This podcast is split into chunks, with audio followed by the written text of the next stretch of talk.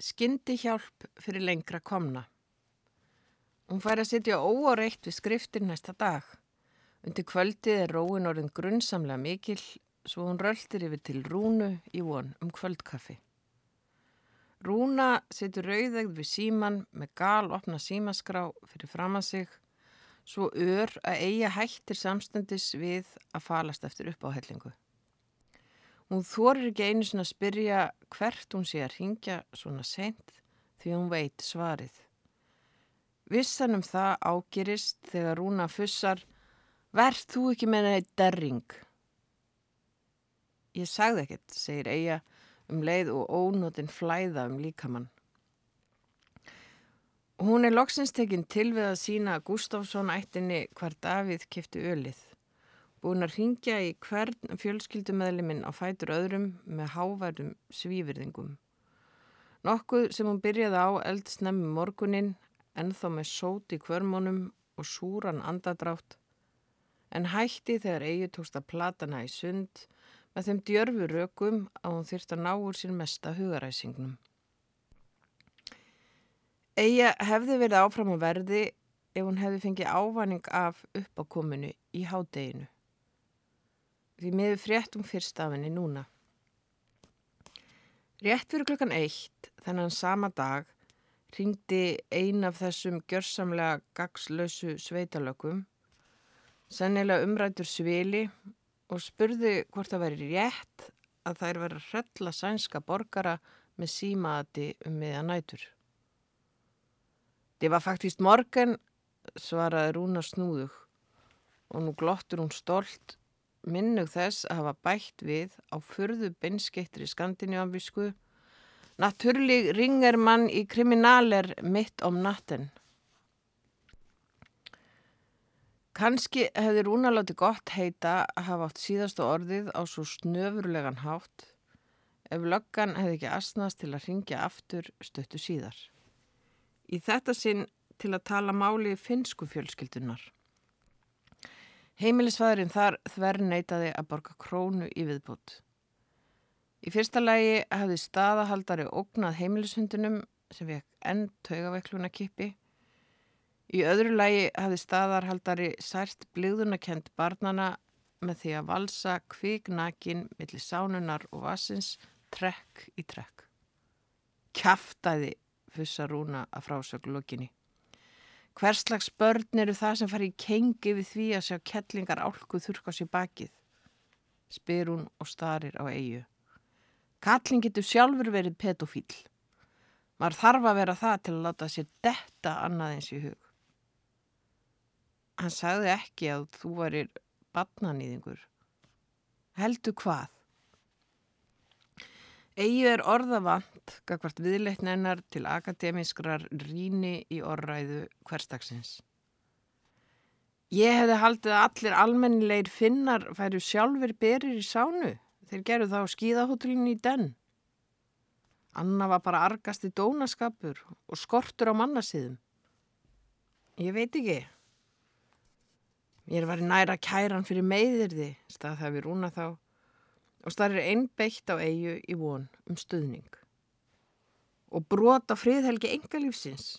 Ég vissum að kallfauskurinn hefur sjálfi verið að glápa á raskatið á mér og kettlingin orðið afbríðisum. Hvað heldur þú? En eiga heldur ekkert. Hún húkir bara á eldurskotli og býður átækta. Þögnin hleypir öllu púður úr rúnu. Hún lippast fram á borðið og andvarpar þungt. Rúna, kvíslar eiga. Hinn svarar ekki. Rúna, kvíslar hún aftur og sest hjá henni. Stríkur hendi við drengjakollin og grýpur um aðra aukslin á henni. Allt kemur fyrir ekki. Í þetta sinn virðist skíðadrottningunni allri lokið. Egi átti von á öllu í nálaður rúnu, bara ekki þessu. Hún á ekki að þekkja orðið uppgjöf frekar en ammennar.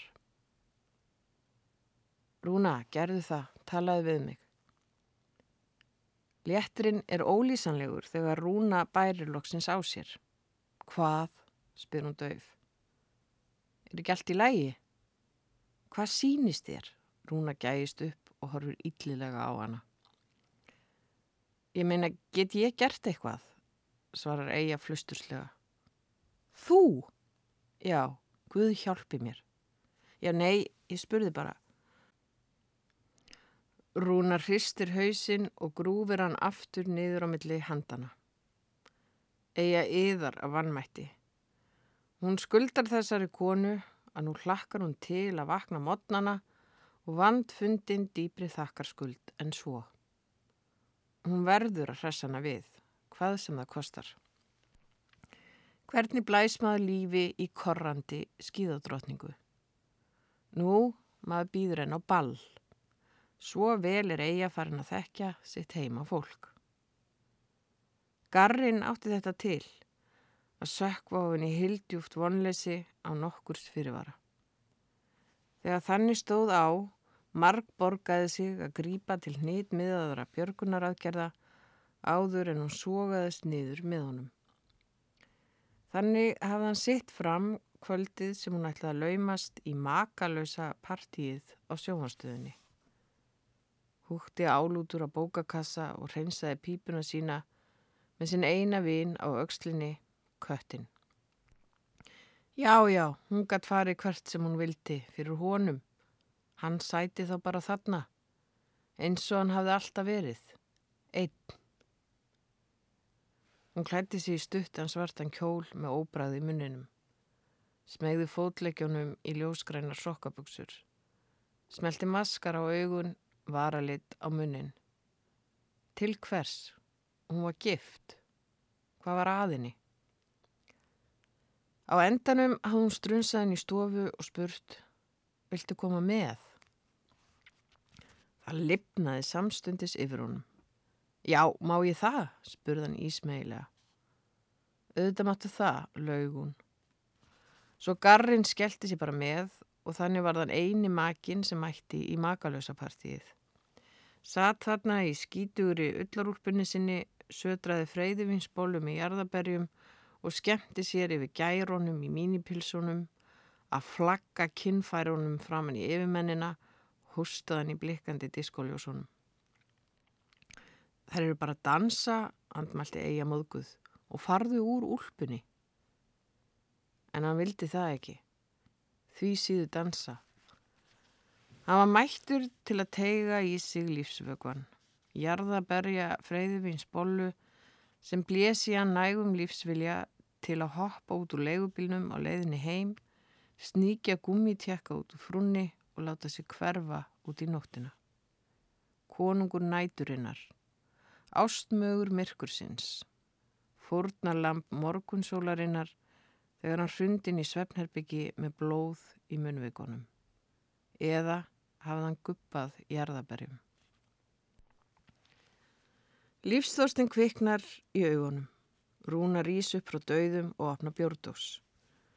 Auðvita vill hún fara á ball, bara að það séu örglega ekki ættarmót.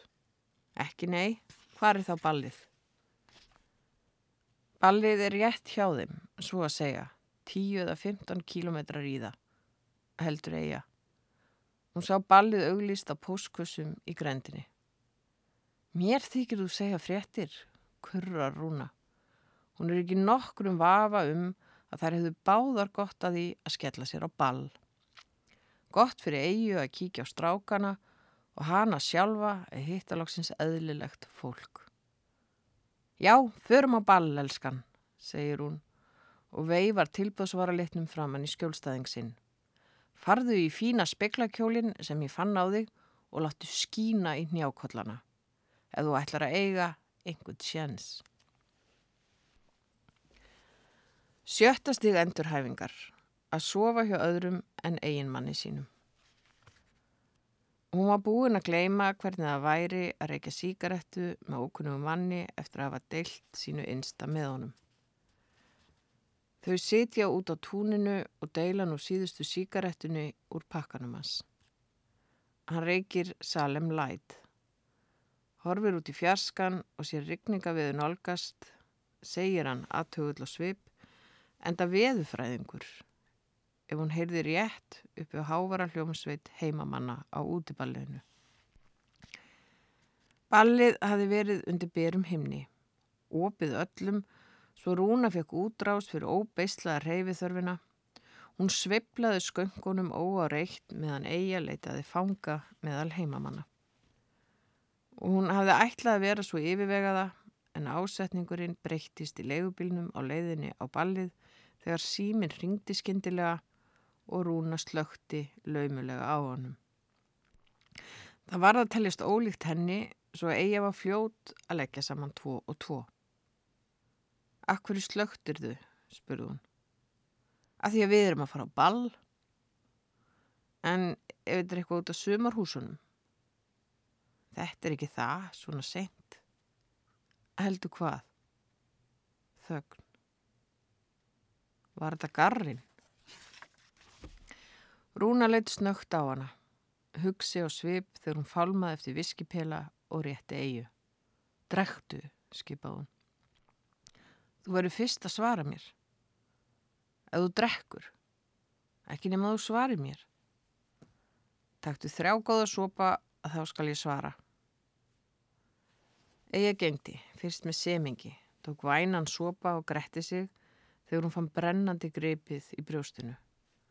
Síðan drakk hún næsta sopa og eftir þann þriðja þyrstana í meira. Hún leita rúnu og spurði hvort hann hefði reynd að ringja síðustu daga. Já, það var eitthvað um það, já. Nú, oft. Já, það má segja það. Og hvað? Er ekki komin tími til að slíta strengin? spurði Rúna á móti og ótaði pelanum aftur framann í hana. Eija drakk fjörðasopan og þann fymta, sjötta, sjöunda. Þambaði áfengið þangað til gróður í vaksin sveitin ringsnýrist fyrir augunum á henni. Þegar það steg út úr leigubílnum stakk Rúna síkarettu upp í munnin á henni, kveikt í henni og kvíslaði Fyndið er gæðing, elskan. Það stungu sér inn í yðandi þvöguna. Úti tekna balgjasti úr nærlegjandi sveitum sem nugguðu sér hver upp við annan meðan hljómsveitin tók þekta slagara eftir óskum viðstadra. Eija baðum húðafökkis Alice. Skimaði hrætt í kringu sig kominn á sinn heim á völl. Djammið. Hún hafði ekki notið sín á djamminu síðan hún gerðist ráðsett eiginkona. Pásan hafði verið í það lengsta fyrir mannesku sem var 14 ára þegar hún lærði að drekki sig algleimið, kingja viðbjóslegum landa þanga til hún flættu út úr hversteginum inn í hamsleysið og rangaði við sér í rúmi hjá ókunnum manni ímyndst að bömmir eða nýja ástfangin. Hún vegnaði sjálfnast að hugsa um nokkuð annað en að drekka og lenda á séns. Í þetta sinn hafði hún afsökun, nöðbeigð að sofa hjá öðrum en garranum til að standast sjötta stig endurhæfingarinnar. Þarna var fátt um fína drætti, börn og gamalmenni dönsuðu samkvæmistansa og supu á límónaði. Miðaldra hjón vönguðu í léttum sumarklæðnaði. Engverjir hætti sér á barinn, flestir töluvert eldri en garinn. Hún var staðræðun í því að sofa hjá. Skilningavitin skerftust meðan rándýrið skimaði eftir bráð. Gamalkunnugt blóðbráð á tungunni, hún hafi leikið þennan leik svo oft áður. Alglimið, bráðum, algjört. Hún horfið hratt í kringu sig. Hver, hvar, ekki þessi of ungur, þessi of gamal, þessi púkalegur með þverslufi í stöpuksum. En þessi, nei, hann átti potið konu. En hljómsveitin, þar voru yngri gæjar. Hvað með þannig á trómmunum? Allt í hennu stöldur augun við mann. Hann horfið á hana, brosandi, á að giska þrjátjú eitthvað, en ekki meira en 35. Ljósarður með dökka húð, í ljósbrunum stöpuksum og hvítum ból. Maðurinn reykti og drifti á glærum drikk. Var hann ekki bara málið? Hann sagðist vera veðufræðingur. Ert í sjómvarpinu? flissaði hún. Nei, flissaði hann. Hvað gerir þá? flissaði hún og horfið græn, græn, græn augu. Spái í veðrið, flissaði hann og böðin í glas.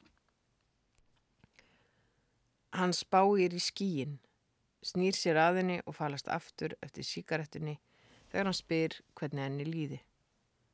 Vel, segir hún og brosir gráti næst. Hvað er hún búin að gera? Hvað segir garrin? Á hún að segja honum frá þessu? Auðmingja hann, búin að ringja trekk í trekk og rúna bara djöfullin að maðurinn skul ekki eiga fleiri síkaretur. Hann að sárverkjar í höfiðið. Hvað ef hún fær flóð? Veðufræðingar hljóta að kunna skyndi hjálp. Hvað er hann að gera? Hún ætlaði alltaf að trúa eigin augum þegar hann hristi glóðin af síkaretustupnum og stingur honum í vasa. Af hverju gerir þetta? Missir hún út úr sér en sér eftir því þegar hann horfir vantrúaður á hana. Hendir þú stupum út í náttúruna? spyr hann með óbeitt í rómnum líkt og hann trúði ekki upp á sjálfan sig að hafa haft samfarir við annan eins umhverfis böðul. Nei, lígur hún og rótar í grasverðinum með tánum. Hann orði þegjand á hana og neppi sumarjakka yfir kvítabólinn, hægur og íkuhull. Hverstagslegur með ljóst, burstaklift hár og hákollvik. Augun er í minnikantinum, sægræn og einhvern veginn á kafi inni í hausnum Þannig að hann verðist sokkin ofan í eigin hugarheim. Hvað er hann að hugsa? Hann geispar og segist alltaf að koma sér heim áður en það fara að rigna. Veit hún hvernig hann fer að því? Hún? Nei, hún er nánast ókunnuð hérna. Hvað ger ég þá? spyr hann ráðviltur. Hún veit það ekki. Það eina sem hún veit er að hún verður að fá eitthvað að drekka. Síðan þarf hún að sopna og sofa. Ég hlýta rampa rútustöð, segi viðfræðingurinn, en þá vantrúðar að sjá og smelli lausum kossi á kinnin á henni.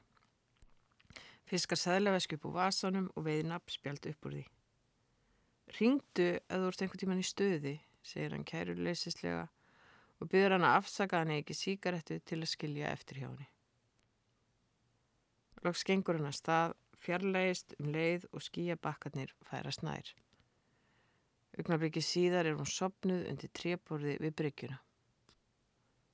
Þrjumur læðast inn í draumana. Það hefur stitt upp þegar hún vaknar og hún tegar ferst loftið í sig og röldur inn í hús. Í ískapnum eru nokkra kókflöskur. Hún tekur einu og opnar hana, þambar til boss og opnar aðra. Furða sig á fjárveru rúnu en skyrist ekki við að nýta færið og stela síkarettupakka úr kartoni sem liggur inn í nærfattaskapnum hennar. Skíðadrótningin hlýtur að skila sér allræmt fyrir að láta sig hverfa þegar þannig liggur á henni. Hún tilli sér út á pall og nýtur þess að taka fyrsta smókin. Andar tópakinu djúft ofan í sig. Mild sól leikur um andlitið meðan hún reykir, ákaft en af nöytt Sigurinn vætlar inn í blóðu við hvert sopa á kókinu, svo hratt að hún finnur skindilega til sín.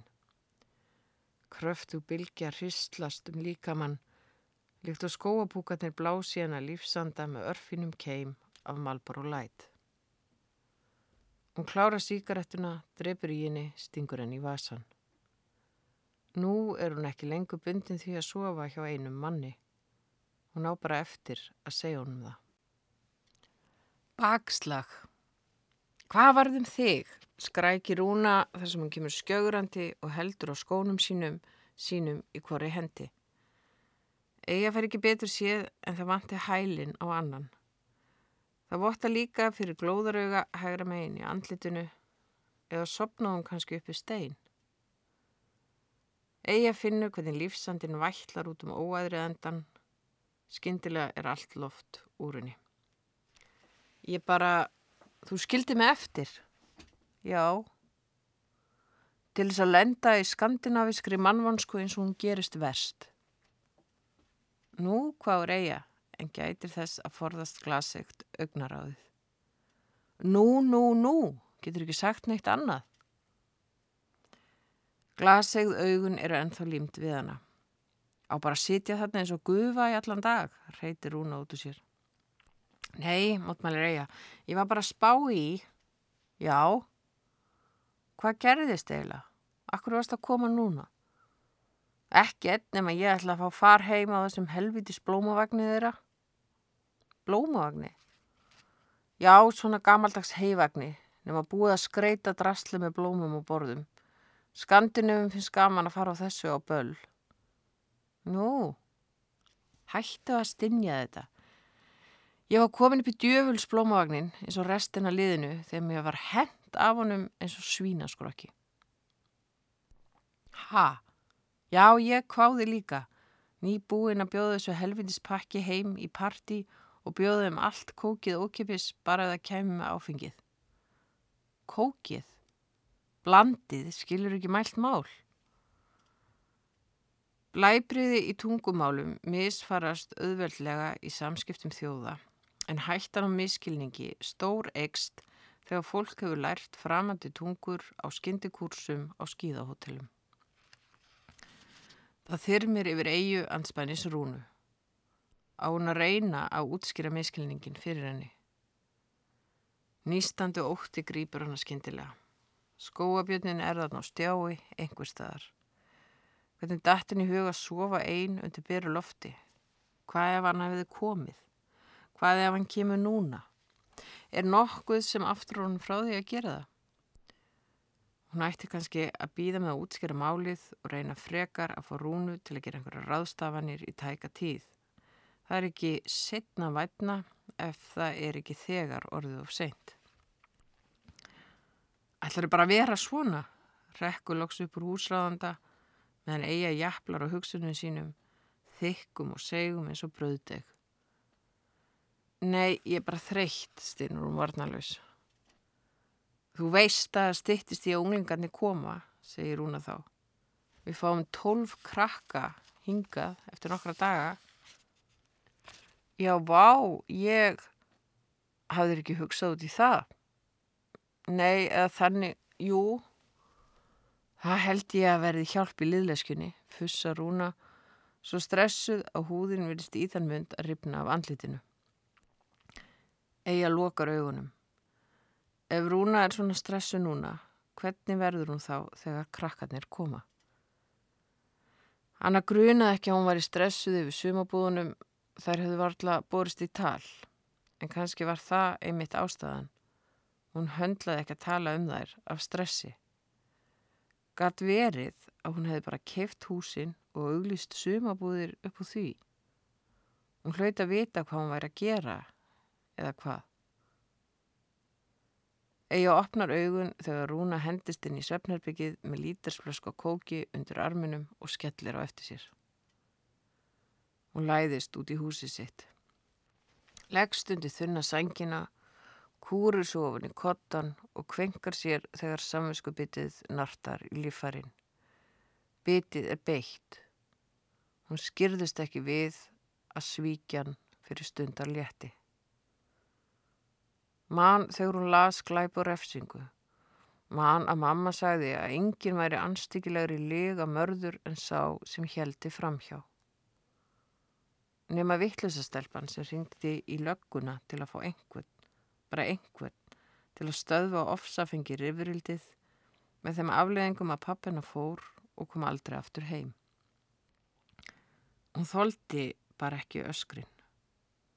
Mamma öskraði á pappa, á pródusentin. Hún öskrar á ken. Hún drefur sengina yfir höfuðið. Það eina sem hún veit er að henni mistókst að hugga garran. Eins og henni mistekst alltaf að hugga mömmu. Því mamma lifir í þeirri vissu að einn daginn verði hún skilin eftir. Einn.